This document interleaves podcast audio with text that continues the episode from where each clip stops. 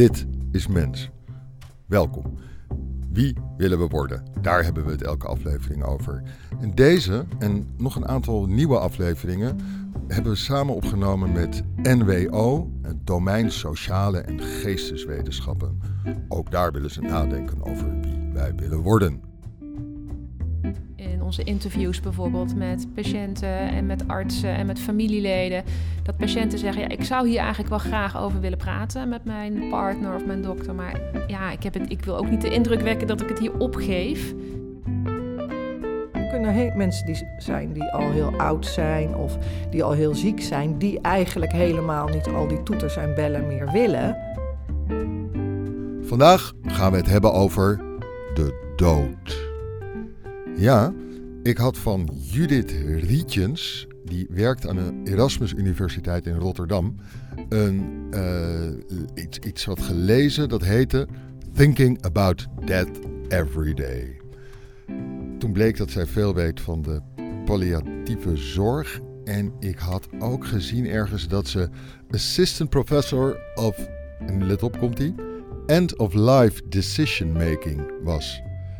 Nou ja, ik dacht, dat fascineert mij wel. Op het Synergiecongres van NWO sprak ze samen met Ida Corvage, ook van de Erasmus Universiteit. En ze spraken over hoe de zorg verbeterd kan worden. En uh, luister maar.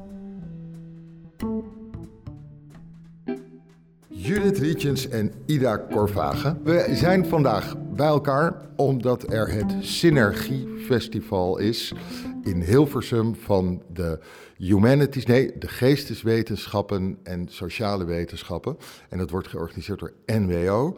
Misschien moeten jullie even zeggen nog uh, wat jullie precies als vakgebied hebben. Wat doe je overdag, Judith? Ja, nou, ik ben um, universitair hoofddocent op de afdeling maatschappelijke gezondheidszorg. Ik ben gezondheidswetenschapper um, aan het Erasmus MC in Rotterdam. En uh, dus eigenlijk niet in de social sciences en uh, nor humanities, ja. uh, maar in nog een ander vakgebied, de medische wetenschappen of de psychologische wetenschappen. En wat dat betreft is die synergie misschien nog wel groter. En daar ken ik Ida ook van. Dus Ida is mijn collega. Ida, ja, klopt. Ja. ik zit aan de andere kant van de gang. Ja, nou, we zitten ja, nu wel. Ja, we hebben lang samen op een kamer gezeten en uh, zijn ook samen onderzoek gaan doen. Uh, ik ben econoom en epidemioloog als, uh, van opleiding. En um, ja, we hebben delen denk ik de interesse in ja, hoe gaat het in de gezondheidszorg aan toe en dan ook op relatieniveau. En krijgen mensen de zorg die zij graag zouden willen hebben, die goed bij hun past? En als dat niet zo is, ja, hoe zouden, wat zouden we daaraan kunnen doen om dat beter aan te laten sluiten? Volgens mij kunnen we dit gesprek het beste zo voeren. Judith Rietjens en Ida Corvage. Hoe ziet de Nederlandse zorg er in de best mogelijke situatie over 15 jaar uit? Waar zullen we beginnen? Laten we beginnen bij het onderwerp hoe gaan we anders om met mensen die gaan sterven? Ja. Hoe kunnen, we daar, hoe kunnen wij zorgen dat we daar over 15 jaar beter mee omgaan? Wat, nee, eerst, wat is beter omgaan daarmee? Nou, beter omgaan is um, denk ik dat we niet de patiënt uit het oog verliezen. Um, dus een goede dood als je kijkt naar onderzoek wat een goede dood is, mensen willen natuurlijk pijnvrij zijn, maar zij willen ook sterven op hun eigen manier, zoals ze eigenlijk geleefd hebben. Sommige mensen willen thuis sterven, sommige mensen liever in een ziekenhuis. Mensen willen sterven op een manier die belangrijk voor ze is. Ze willen de behandelingen krijgen die bij ze passen. Sommige mensen willen veel behandelingen, willen lang doorbehandeld worden. Maar andere mensen zeggen kwaliteit van leven is op het einde van het leven voor mij het allerbelangrijkst. Ik wil op tijd naar huis, me omringen met mijn naasten. En om dat te kunnen realiseren is een goed gesprek daarover heel belangrijk. Want artsen kunnen niet raden wat patiënten willen. Je ziet wel dat ze vaak denken uh, te weten wat voor patiënten belangrijk is, maar het gesprek daarover is heel erg belangrijk. Maar, maar kijk, ik, ik weet eigenlijk allemaal niet hoe ik wil doodgaan. Hoe, hoe, hoe, hoe moet ik daarover gaan, gaan nadenken en gaan praten straks? Hoe, hoe gaat dat? Ja, het is, um, het is natuurlijk deels is het een individuele vraag, maar het is ook een maatschappelijke kwestie. Um, op dit moment, nou, je hebt griep, maar uh, hè, je uh, bent niet uh, ernstig ziek, is mijn indruk op het moment. Dus het is misschien ook niet zo heel erg als je nu niet precies weet uh, ja, hoe jouw levenseinde er idealiter uitziet. Maar het is wel goed naarmate je um, je gezondheid verslechtert om daar toch over na te denken. En er zijn ook wel tools voor, bijvoorbeeld die wij nu ontwikkelen uh, bij thuisarts.nl, die mensen helpen om ook daarover na te denken. Die vragen stellen, ja, waardoor je gedachteproces daarover op gang komt. Oké, maar hoe, hoe, hoe, hoe verbeteren wij over 15 jaar het hele stervensproces? Nou, door tijdig te gaan praten van wat vind je belangrijk? Waar, waar hecht je waarde aan? Want wat nu veel gebeurt, ik, uh, dat er een crisis kan ontstaan. Iemand is heel erg ziek en dan wordt die persoon bijvoorbeeld naar de spoedeisende hulp gebracht of naar het ziekenhuis gebracht, omdat niet duidelijk is wat die persoon wil. Maar dat kan kunnen mensen die zijn die al heel oud zijn of die al heel ziek zijn, die eigenlijk helemaal niet al die toeters en bellen meer willen. Alleen weet niemand dat. Gebeurt dat tegenwoordig? Ik dacht dat dat juist nu wel daar veel meer aandacht voor aan ja, maar ondanks die, ik hoor toch nog regelmatig dat het veel gebeurt. Hè? Vorige week sprak, sprak ik nog met mensen die op de spoedeisende hulp werken. Van ja, dan komen mensen binnen, ze zijn eigenlijk ja, dichter, bij de, eh, dichter bij de dood dan bij het leven. En die worden alsnog naar de spoedeisende hulp gebracht. En wat dan? Hè? Terwijl, ja. Uh, maar hoe, ga je, hoe, ga je dan, hoe, hoe, hoe, ga je daar, zou je daar beter mee om kunnen gaan? Nou, als je er eerder hebt gesproken van wat, hè, wat vind je nu nog belangrijk? Wil je zo lang mogelijk leven, ook al betekent dat je naar het ziekenhuis moet? Eh, dat je misschien nog een pijnlijke behandeling krijgt? Of wil je liever thuis blijven, pijnbestrijding? En kan dat niet ook een beetje moeilijk worden? Is er, zit er niet ook een enge kant aan? Dat je vrij onwenselijk is dat opeens iemand naar mij toe komt en zegt van... Uh, als jij nou straks naar de, uh, naar de eerste hulp moet, dan uh, zou je nou echt dat wel doen dan nog? Nee, dus het is heel belangrijk dat dat met een open intentie wordt gevoerd, dat gesprek. Hè? Dus het moet niet als doel hebben om mensen een bepaalde richting op te sturen, maar om open te bespreken. En die vragen die kunnen helpen om je daarop voor te bereiden. Hè, die kunnen bijvoorbeeld zijn van, heb je wel eens meegemaakt dat iemand is overleden? Hoe ging dat? Wat heb je daarvan geleerd? En bijvoorbeeld, dan zeggen mensen: Ja, uh, mijn moeder ging dood. Ze was heel ziek, maar ze wilde er niet over praten. En wij wisten toen niet waar we goed aan deden. Dat wil ik mijn kinderen besparen. En op die manier kan je ook bedenken: ja, wat zou ik eigenlijk niet willen? Wat zou ik wel willen? Ik wil wel dat mijn kinderen of dat mijn naasten weten wat ik wil. Daar doe ik hun een plezier mee en mezelf ook. En dat zijn dingen waarop je jezelf op deze situatie kan voorbereiden. En ik denk toch vrij laagdrempelig. Oké, dus je moet het, het hele economische aspect moet je eruit uh, halen. Maar, ik denk het, wel, ja. Maar het is wel. Um, jij zei net wel bij je introductie dat je vanuit de economische kant ook. Nee, ik zei dat ik een econoom ben. Maar uh, dat, dat is zeker niet mijn intentie. Helemaal niet om te zeggen we moeten de zorgvolume uh, omlaag brengen door met mensen te gaan praten. In de praktijk zie je wel, zeker bij studies in Amerika en uh, in Canada, dat als er over gesproken wordt, dat patiënten minder intensieve behandelingen kiezen dan, ja. dan anders. Hè. Dus hey, het is wel grappig dat, ik bedoel, ik, ik begrijp helemaal waarom, maar dus er zit continu wel dat economische belang op de achtergrond, of dat speelt ook. Ja, dat is een hele delicate balans inderdaad. Ja. En een heel ingewikkeld spanningsveld ja. ook, denk ik. Hè? Dus ja, over 15 jaar, als je kijkt naar hoe het er dan uit moet zien... ja, idealiter is er heel veel geld en uh, hè, is er voldoende zorg... maar ik vermoed niet dat er in één keer heel veel meer geld beschikbaar gaat komen. Dus we moeten het gaan doen met de middelen die we hebben... En een ander aandachtsgebied waar we het vanmiddag ook over gaan hebben is kunnen ook andere mensen dan professionals een betekenis uh, hebben in iemands ziekteproces. Mantelzorgers. En dat is, mantelzorgers, daar is al best wel veel naar gekeken, maar misschien ook vrijwilligers of uh, ja, peers, hè, dus medepatiënten die elkaar, uh, waar, waar, mensen van elkaar kunnen leren hoe het is om een bepaalde ziekte te hebben en met die ziekte om te gaan. En dat is ook een van mijn projecten waarin ik heel geïnteresseerd ben om te kijken of dat een betekenis kan hebben.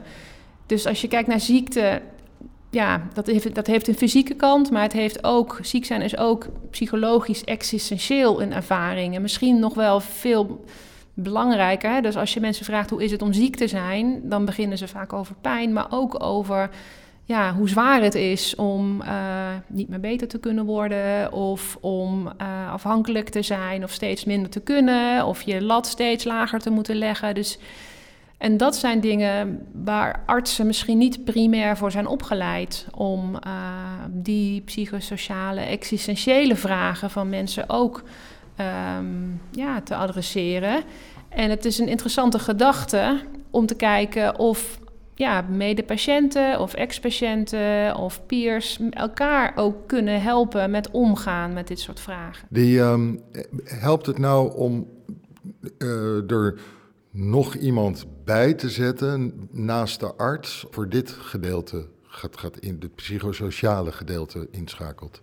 Ja, nou, ik weet niet of het iemand erbij zetten is. Ik denk um, dat we een, een, maatschappij hebben waarin ziek zijn afwijkend is van de norm. En waarin we eigenlijk een beetje verleerd zijn om voor elkaar te zorgen. En dat is, wordt dan misschien wel een heel algemeen filosofisch praatje. Maar ik denk een maatschappij waarin ziekte gewoon erbij hoort. Um, en waarin we elkaar ook wat meer helpen. En waarin er misschien ook structuren zijn waarin dat elkaar helpen um, uh, beloond wordt en um, ondersteund wordt. Ik denk dat dat ook heel veel verschil kan uitmaken. En nu weet ik weer wat ik wilde zeggen. Kijk, een patiënt is natuurlijk 24 uur per dag ziek, zeven dagen per week, ziet misschien één of twee uur per week een arts, maar al die andere honderden uren in een maand is die persoon in zijn eentje ziek. Of met zijn gezin thuis, maar die is niet altijd in een zorgsysteem. Dus als je echt die ziekteervaring van mensen wil verbeteren, want daar is echt, die vraag is denk ik wel heel belangrijk, moet je niet alleen dat contact tussen arts en patiënt verbeteren, naar mijn idee, maar ook kijken naar hoe is het voor mensen om ziek te zijn? Hoe kunnen ze zich redden in deze maatschappij als ze ziek zijn? En dat moment pleit ik voor ja, een maatschappij die zich meer om mensen bekommert en waarin mensen elkaar ook wat meer kunnen helpen. En dat is wat ik probeer te onderzoeken nu in mijn project, of dat gaat en op welke vlakken dat ja. kan verbeteren. Ik denk dat als je dat zo zegt, dat iedereen het met je eens is. Maar hoe, wat zijn nou andere uh, maatregelen? Wat, kunnen, wat kan er gebeuren? Nou, ik kijk bijvoorbeeld, er is een, een model ontwikkeld in Amerika. Uh, waarbij patiënten met elkaar in groepen samenkomen onder leiding van een uh, andere patiënt die daarvoor getraind is. Waarin ze systematisch met elkaar nagaan tegen welke dingen lopen we aan en welke oplossingen hebben we daarvoor. En mensen delen met elkaar oplossingen. Bijvoorbeeld partners van mensen, van iemand die uh, dement is. Die delen met elkaar, wat doe je eigenlijk als s'nachts die persoon... Dus ik geef even een voorbeeld. Als s'nachts die persoon gaat dwalen... Dat, dat gebeurt blijkbaar heel vaak. En, um, en gaat urineren. Hè. Dus dat is echt een groot probleem. Mensen dwalen door huis, urineren. En, en ja, de partners zijn nachtenlang uh, bezig en wakker. En dat is een heel, uh, het zet het systeem heel erg onder druk. En ja, je, een, een, een, huisarts of een verpleeghuisarts zou zeggen... ja, die persoon moet een luier om. En dat is niet altijd een hele prettige oplossing. Dus je ziet in zo'n groepje, mensen delen uh, hun ervaringen. Nou, je kan bijvoorbeeld ledlampjes naar het toilet leiden. Of je kan zorgen dat iemand in de avond wat minder drinkt. En zo zijn er, je legt andere vloer waarin het minder erg is. Je legt handdoeken op de vloer. Ja, en zo zijn er een, serie aan, aan hele praktische uh, oplossingen die mensen die ervaring hebben met die situatie kennen, maar waarvan artsen die niet dagelijks achter die voordeur komen, ja, niet, uh, dat, die weten dat niet en die hoeven dat misschien ook helemaal niet te weten. Als mensen op, die, op dat niveau ervaringen kunnen uitwisselen, dat is super, super effectief. Ja, begrijp het. Eigenlijk zijn dat, eigenlijk zijn dat dus ook dingen dat je wat, wat normaal via het eigenlijk is normaal in, in mijn, mijn beeld is je, je, je bent ziek en dan heb je, uh, je, je, als je, als je geluk hebt, heb je familie die een beetje helpt. En voor de rest heb je het kanaal dokter. En het kanaal dokter is de baas over de ziekte en vertelt jou hoe en wat van de ziekte. En die heeft dan misschien nog een assistent en dat is de, de, de apotheek of uh, de, de chirurg als er iets speciaal moet gebeuren. Maar verder is alles, alles wordt gefilterd via dat kanaal. Alleen wij hebben nu hebben we internet en zo, dus nu komen mensen ook met allemaal andere dingen en zo. En dat allemaal zou veel beter moeten kunnen en er zou veel meer buiten het kanaal dokter op een wat uh, structurelere manier georganiseerd moeten kunnen worden. Ja, er gebeurt al heel erg veel. En um, ik denk dat dat is echt een gebied wat rijp is voor onderzoek. Hè. Mensen gaan online, mensen halen daar informatie. Uh, je hebt allerlei ziektepagina's waar mensen met elkaar in contact komen. Uh, op Twitter, ja. Facebook, groepen waar heel veel informatie wordt uitgewisseld. Maar we weten niet wat daar gebeurt. En um, ja, dat kan heel steunend voor mensen zijn, maar mogelijkerwijs, en dat zie je ook in de vaccinatiediscussie, is er soms ook niet altijd de juiste informatie. Maar gebeurt dat vaak of niet zo vaak? Dat weten we niet. En dat is ook wel echt het pleidooi waar Ida mee begon dat onderschrijf ik volledig, die arts-patiëntrelatie is wel belangrijk om te behouden. Die kunnen we niet um, aan de kant schuiven. Nee. maar we willen, niet, we willen niet dat die alleen maar gaat naar internet of naar ja. grote bedrijven die, uh, die je met een Fitbit alles laten doen ja. en zo. Jullie vinden dat moet je structureler vanuit de gezondheidszorg zelf ook aan, uitbreiden. Ja, zeker. Ja, niet iedereen zal het kunnen, maar mensen vinden het ook leuk om daarmee te werken. dus bijvoorbeeld zelf je uh, glucosewaardes bijhouden. Uh, er zijn uh, horloges die, je, die hartfilmpjes kunnen maken. dus op die manier kan je als patiënt ook meer regie krijgen. En dat wordt technisch mogelijk gemaakt. En als je dan voor simpele dingen niet meer naar het ziekenhuis hoeft te gaan, is dat voor de patiënt fijner. En dat geeft ook weer een ontlasting van het hele systeem. En is het ook weer zo dat jullie daar nu over moeten nadenken en moeten proberen om daar nu structureel vanuit de overheid met beleid bezig te zijn, omdat anders dit soort dingen allemaal al worden opgepikt door, de, uh, uh, door Apple en Google. De drivers van de economy, ja. Ja, ja. ja. toch? Ja, we, wij, wij kunnen natuurlijk geen beleid maken, maar we moeten wel zorgen dat we tijdig dit soort uh, ontwikkelingen volgen en onderzoeken. Ja, want bij de verzekering werken al veel van dit soort Is het niet al zo dat je ergens korting krijgt als je een, eh, een stappenmeter uh, in, je, in je zak, ja, broekzak stopt? Ik heb het ook wel eens gehoord, ja. Dus, uh, ja. Dat is ja. toch heel erg? Ja, het zijn wel zor- dat zijn wel zorgelijke ontwikkelingen, vind ik. Want ook met die hele digitalisering, het biedt gewoon heel veel mogelijkheden straks om je eigen regie meer, om meer zelf voor jezelf te zorgen. Maar daar zijn toch grote groepen mensen die dat waarschijnlijk niet kunnen of niet willen. En je krijgt een nieuw soort uh, uh, ja, tweedeling in de maatschappij van mensen die dat wel kunnen. De have-nets en de have-nots. Dus mensen die wel die digitalisering kunnen opvolgen en mensen die dat niet kunnen. Wat zijn nou? Ja, de de have-nets en de have-nots. De mensen die wel het internet hebben en daarmee om kunnen gaan en de mensen die dat niet hebben.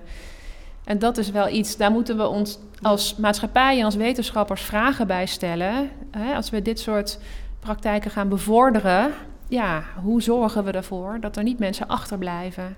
En zie je nu al gevaarlijke ontwikkelingen daar? Ja, je, er is een, een bepaald gedeelte in de maatschappij die uh, bijvoorbeeld geen toegang heeft tot internet en ook niet goed uh, um, dat goed begrijpt. En die zullen bijvoorbeeld geen gebruik kunnen maken van thuisarts, om maar eens wat te noemen. Hè. Die kunnen niet eenvoudige dingen opzoeken uh, en voor zichzelf zorgen. Die zullen sneller naar de huisarts gaan. Ja, of niet naar de huisarts gaan en, en met zorgproblemen blijven zitten. Dus dat is denk ik, daar, daar zie je het al.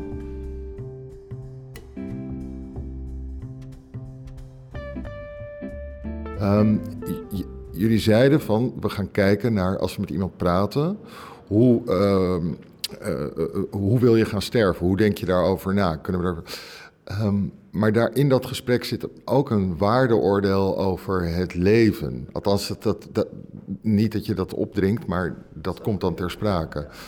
Um, hoe moet je daar nou over nadenken over dat soort dingen? Ja, niks moet vooropgesteld. Hè? Dus het is niet een. Uh, je moet daar niet over nadenken. Um, ik denk wel dat de dood uh, in deze maatschappij vaak nog wel een taboe onderwerp is. Waarbij we in onze interviews bijvoorbeeld met patiënten en met artsen en met familieleden, dat patiënten zeggen: Ja, ik zou hier eigenlijk wel graag over willen praten met mijn partner of mijn dokter, maar ja, ik, heb het, ik wil ook niet de indruk wekken dat ik het hier opgeef. En naast te zeggen van, goh, ik wil je eigenlijk wel met mijn partner, de patiënt, over praten. Maar ja, dat is ook weer zo'n donker onderwerp. Terwijl, ja, een dokter zeggen, ja, eigenlijk is het een belangrijk gesprek, maar ik wil ook niet mensen de hoop ontnemen. Dus in die zin denk ik dat dat je gewoon merkt dat dat toch nog wel vaak een taboe is. Hoe kan je nou die dokters daar beter op voorbereiden dan in, in, in die opleiding? Wat, wat, hoe, wat leer je ze dan? Geef je ze dan filosofie? Nou, bijvoorbeeld, ja, we hebben gisteren allebei onderwijs gegeven aan geneeskundestudenten over gedeelde besluitvorming. En daar gebruiken wij een stukje film van een patiënt die in een ziekenhuisbed ligt en moet kiezen wel of niet nog een keer chemo. En daar wordt niet gesproken ja, over dat hij ook aan die chemo dood kan gaan. En hij kiest voor de chemo en hij gaat eraan dood, een hele jonge man. En dan krijg je hele interessante discussies met de geneeskundestudenten. Van had de arts hier duidelijker over moeten zijn? En hoe had die arts dat dan ter sprake kunnen brengen? En dan hebben geneeskundestudenten ook goede ideeën van... Ja, wat vind je nog belangrijk? Misschien niet nog, maar wat vind je belangrijk? Wat, vind, wat, zou, je, wat zou jij in je leven graag willen doen? En Ehm, of waar hoop je op? Hè? Dat is een vraag die ook van waar hoop je eigenlijk op met deze behandeling? En waar hoop je nog meer op? En zo door te pragen van, ja, als deze hoop niet uitkomt, ja, wat zou je dan willen? Ja, ik denk dat daar nog verbetering in, in, in mogelijk is. Ja. En je zegt het heel erg uh, keurig. Ja, ik wil gewoon dat je zegt ja, van, nou, ja. Nee, ja, begrijp, dat begrijp. is zo. Hebben jullie nog een voorbeeld van, van zo'n zo'n situatie waarvan je denkt van ja, dit had echt beter gekund. Het mag een fictief voorbeeld zijn hoor. Nou, ik heb een voorbeeld over mijn vader. Dat is toevallig precies een jaar geleden, is zijn sterfdag. Uh, hij had een aantal chronische ziektes. Hij was echt heel erg verzwakt. Uh, hij was in het ziekenhuis totaal door nagekeken. Hij was op dat moment ook nog ziek, had een blaasontsteking of een longontsteking. Hij was in het ziekenhuis helemaal nagekeken en ze zeiden: We kunnen nu niks meer verder doen. Toen is hij naar, een paar dagen ging hij naar een verzorgingshuis om even bij te komen. Na een paar dagen uh, is er toch op initiatief van de huisarts weer een gesprek gekomen. Ja, maar wat als ze nou iets vinden in het ziekenhuis en je kan weer helemaal beter worden? Wat naar mijn idee niet realistisch was. Maar toen is de keuze. Nou ja, als dat nou zou kunnen, ja, nou ja, dan moet het maar. En mijn vader werd op de, ambulance, op de brancard getild van de ambulance mensen. En hij zakte in elkaar en hij is gewoon niet meer bijgekomen.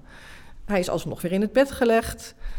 Het was een totaal zinloze exercitie. De mensen van de ambulance zeiden: ja, hij gaat of in de lift dood of in de ambulance dit was niet hoe we het voor hadden gewild. We zijn allemaal goed bij ons verstand. We hebben er uitvoerig over gesproken. Met mijn moeder, met mijn vader, mijn broer, mijn zussen en mijn broer. En toch gebeurt dit op deze manier. En dat had echt anders gekund. En hoe krijg je zelfs nog dat er dus een dimensie bij zit, waar ik helemaal niet aan had gedacht, van de, de naasten. Ik heb toevallig net precies zo'n soort situatie meegemaakt een paar weken geleden. En toen was degene om wie het ging, was ook al zelf al eh, merendeels buiten de Westen. En toen ging het dus niet, niet eens meer alleen om dienstbelang, maar ook om het belang van de zoon. Ja. En, ja, ja, ja. ja. En dat is natuurlijk nog moeilijker om over na te, of, of mee bezig te zijn. Nou, ik denk dat wij als familie eigenlijk allemaal hetzelfde wilden. Dat hij wat ons betreft genoeg zijn best gedaan had. En prima om niet meer naar het ziekenhuis te gaan. En is er dan ook dat er een soort. Een, een, dus het, het, het einde is dan een beetje. Ja, hoe zeg ik dat? Rommelig. In plaats van dat dan de aandacht was naar waar het echt over zou moeten gaan. Ja, en echt even voor de laatste keer spreken met elkaar. En, niet dat er ongezegde dingen waren, maar dit was toch ja, op een brancard naar de lift. Oh nee, toch maar niet. Hup, weer in het bed. Ja, dat had eigenlijk echt niet zo gehoeven. Zou dit nou veel gebeuren? Nou, uh, ja, dat is ook een goed onderwerp voor een uh, onderzoek van hoe vaak gebeurt dat nou echt. Maar als ik ook van mensen hoor die op een spoedeisende hulp werken of bij de ambulance. Hè, deze mensen van de ambulance zeiden, we maken dit zo vaak mee. Die vrouw was, ik denk dat ze misschien maar 23 was of zo. Maar die zei, had echt gezegd van, wilt u dit nog wel tegen mijn vader? Wilt u dit nog wel? En tegen ons zei ze of hier doodgaan of in de, in de, in de ambulance. Dus die zei echt waar het op stond. Ik vond het heel knap voor zo'n jong iemand. En zij zei, ja, dit maken we heel veel mee. En ik hoor het ook van mensen op de spoedeisende hulp. Maar goed, echt systematisch van cijfers, dat weet ik, weet ik daar niet bij. Ik weet niet, weet jij dat? Ja, er zijn wel onderzoeken gedaan naar mensen die uh, de laatste drie maanden van hun leven nog worden opgenomen in een ziekenhuis. En is gekeken van, was dit nou een ongewenste opname? En ik meen dat er de cijfers tussen de 15 en de 30 procent zijn, dat die opnames ongewenst zijn of onnodig.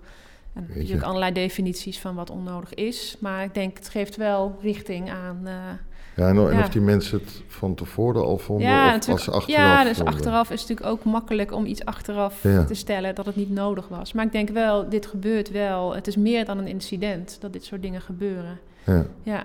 Ik moet dan toch alleen zo denken aan die artsen in zo'n... Ik, ja, ik heb een soort medelijden dan bij die, met, met, die, met die artsen, want die ja, die zie ik, die komen een dienst in. En in die dienst krijgen ze overdracht van dossiers. En die horen van, ja, daar is die. En ja, die reageren gewoon vanuit hun kennis van, oh, dan moet je dit en dat doen. Ja, artsen zijn opgeleid om te handelen en om te behandelen. En eh, vaak in een heel erg curatief uh, paradigma. Um, dus dat is voor artsen heel ingewikkeld. En helemaal niet te doen om snel van mensen die je niet al langer hebt meegemaakt in de familie even hebt gesproken, uh, een, een, snel een oordeel over te hebben. Ja. En wat je kan het dan dat ook dat verkeerd het grootste, De, de grootste complexiteit is van de zorg op dit moment. Dat die behandelrelatie uh, zo gefragmenteerd is en zo kort en dat je zo moeilijk in korte tijd kan inschatten wat de beste beslissingen zijn. Ik denk dat dat echt heel ingewikkeld is. Te veel verschillende eh, handen aan het bed, heet dat of niet? Ook, ja, dat je met verschillende, hè, dat een patiënt door meerdere mensen behandeld wordt, dat is, dat is daar een onderdeel van, van die complexiteit. Maar ook dat je als arts weinig tijd hebt per patiënt, dat draagt er ook aan bij. Waarin dus ook nog zo'n gesprek eigenlijk heel belangrijk is. Maar ook daar kan helpen als daar wel al over van tevoren over nagedacht is. Hè? Als mensen dat al van tevoren hebben besproken. Van als Met die arts? Nou ja, niet, dat zou helemaal mooi zijn. Maar uh, de kans dat jij al met die arts hebt gesproken die je in het ziekenhuis treft, die is niet zo groot hè, bij een onverwachte opname. Maar als je dat als patiënt hebt besproken met je naaste, wellicht op papier hebt gezet dat kan wel helpen om, om, om dan te reageren van wat wil ik eigenlijk wel en wat wil ik niet.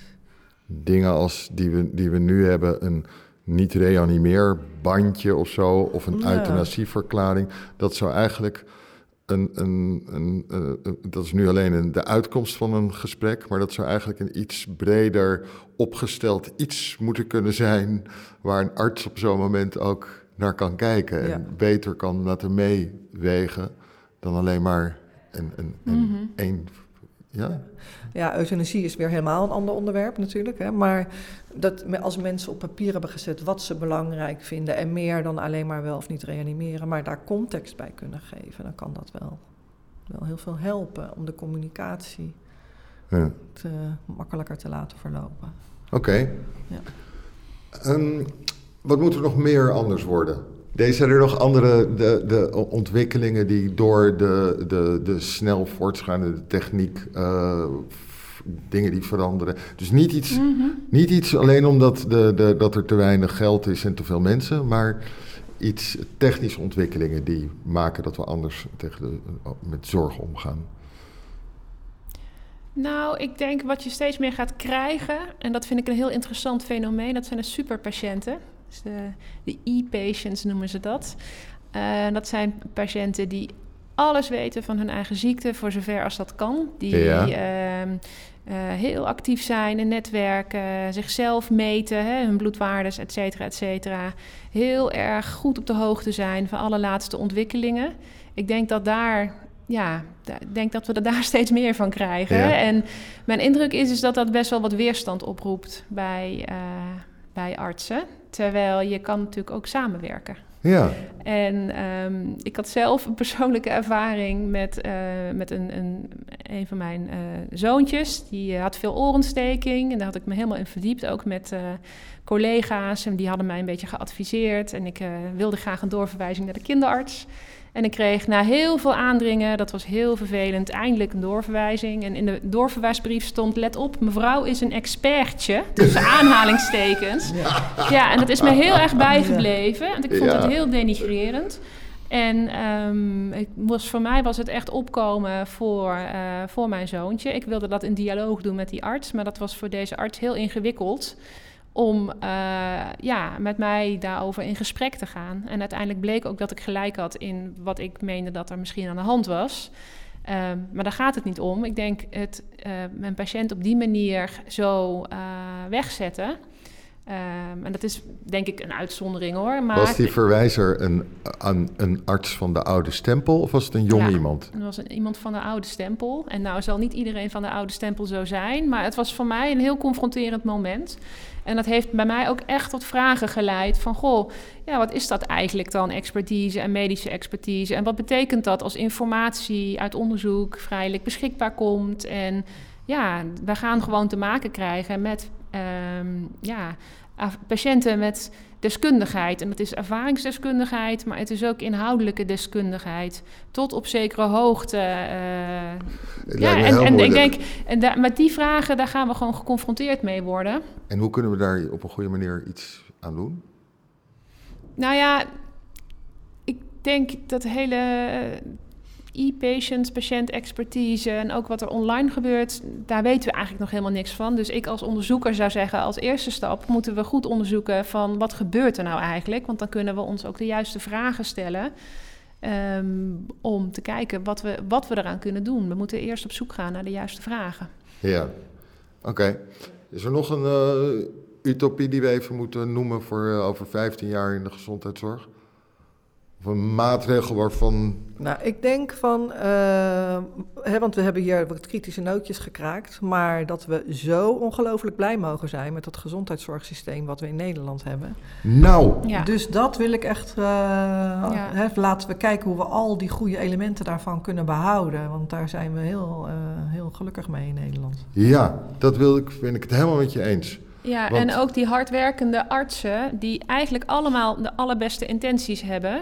Hoe kunnen we die op de been houden en zorgen dat zij hun werk ook met veel plezier kunnen doen? Ik denk dat is echt ook heel belangrijk. Ja, ondersteun je mensen daarin. Ja. ja, ik ben het helemaal eens. Heel erg bedankt. Ja, Volgens mij heb ik weer een hele hoop geleerd, maar ik wil toch nog steeds niet, uh, niet dood. En ik wil er ook niet over nadenken, maar ik begrijp wel dat het goed is. Oké, okay, bedankt. Okay, hartstikke bedankt voor de vragen.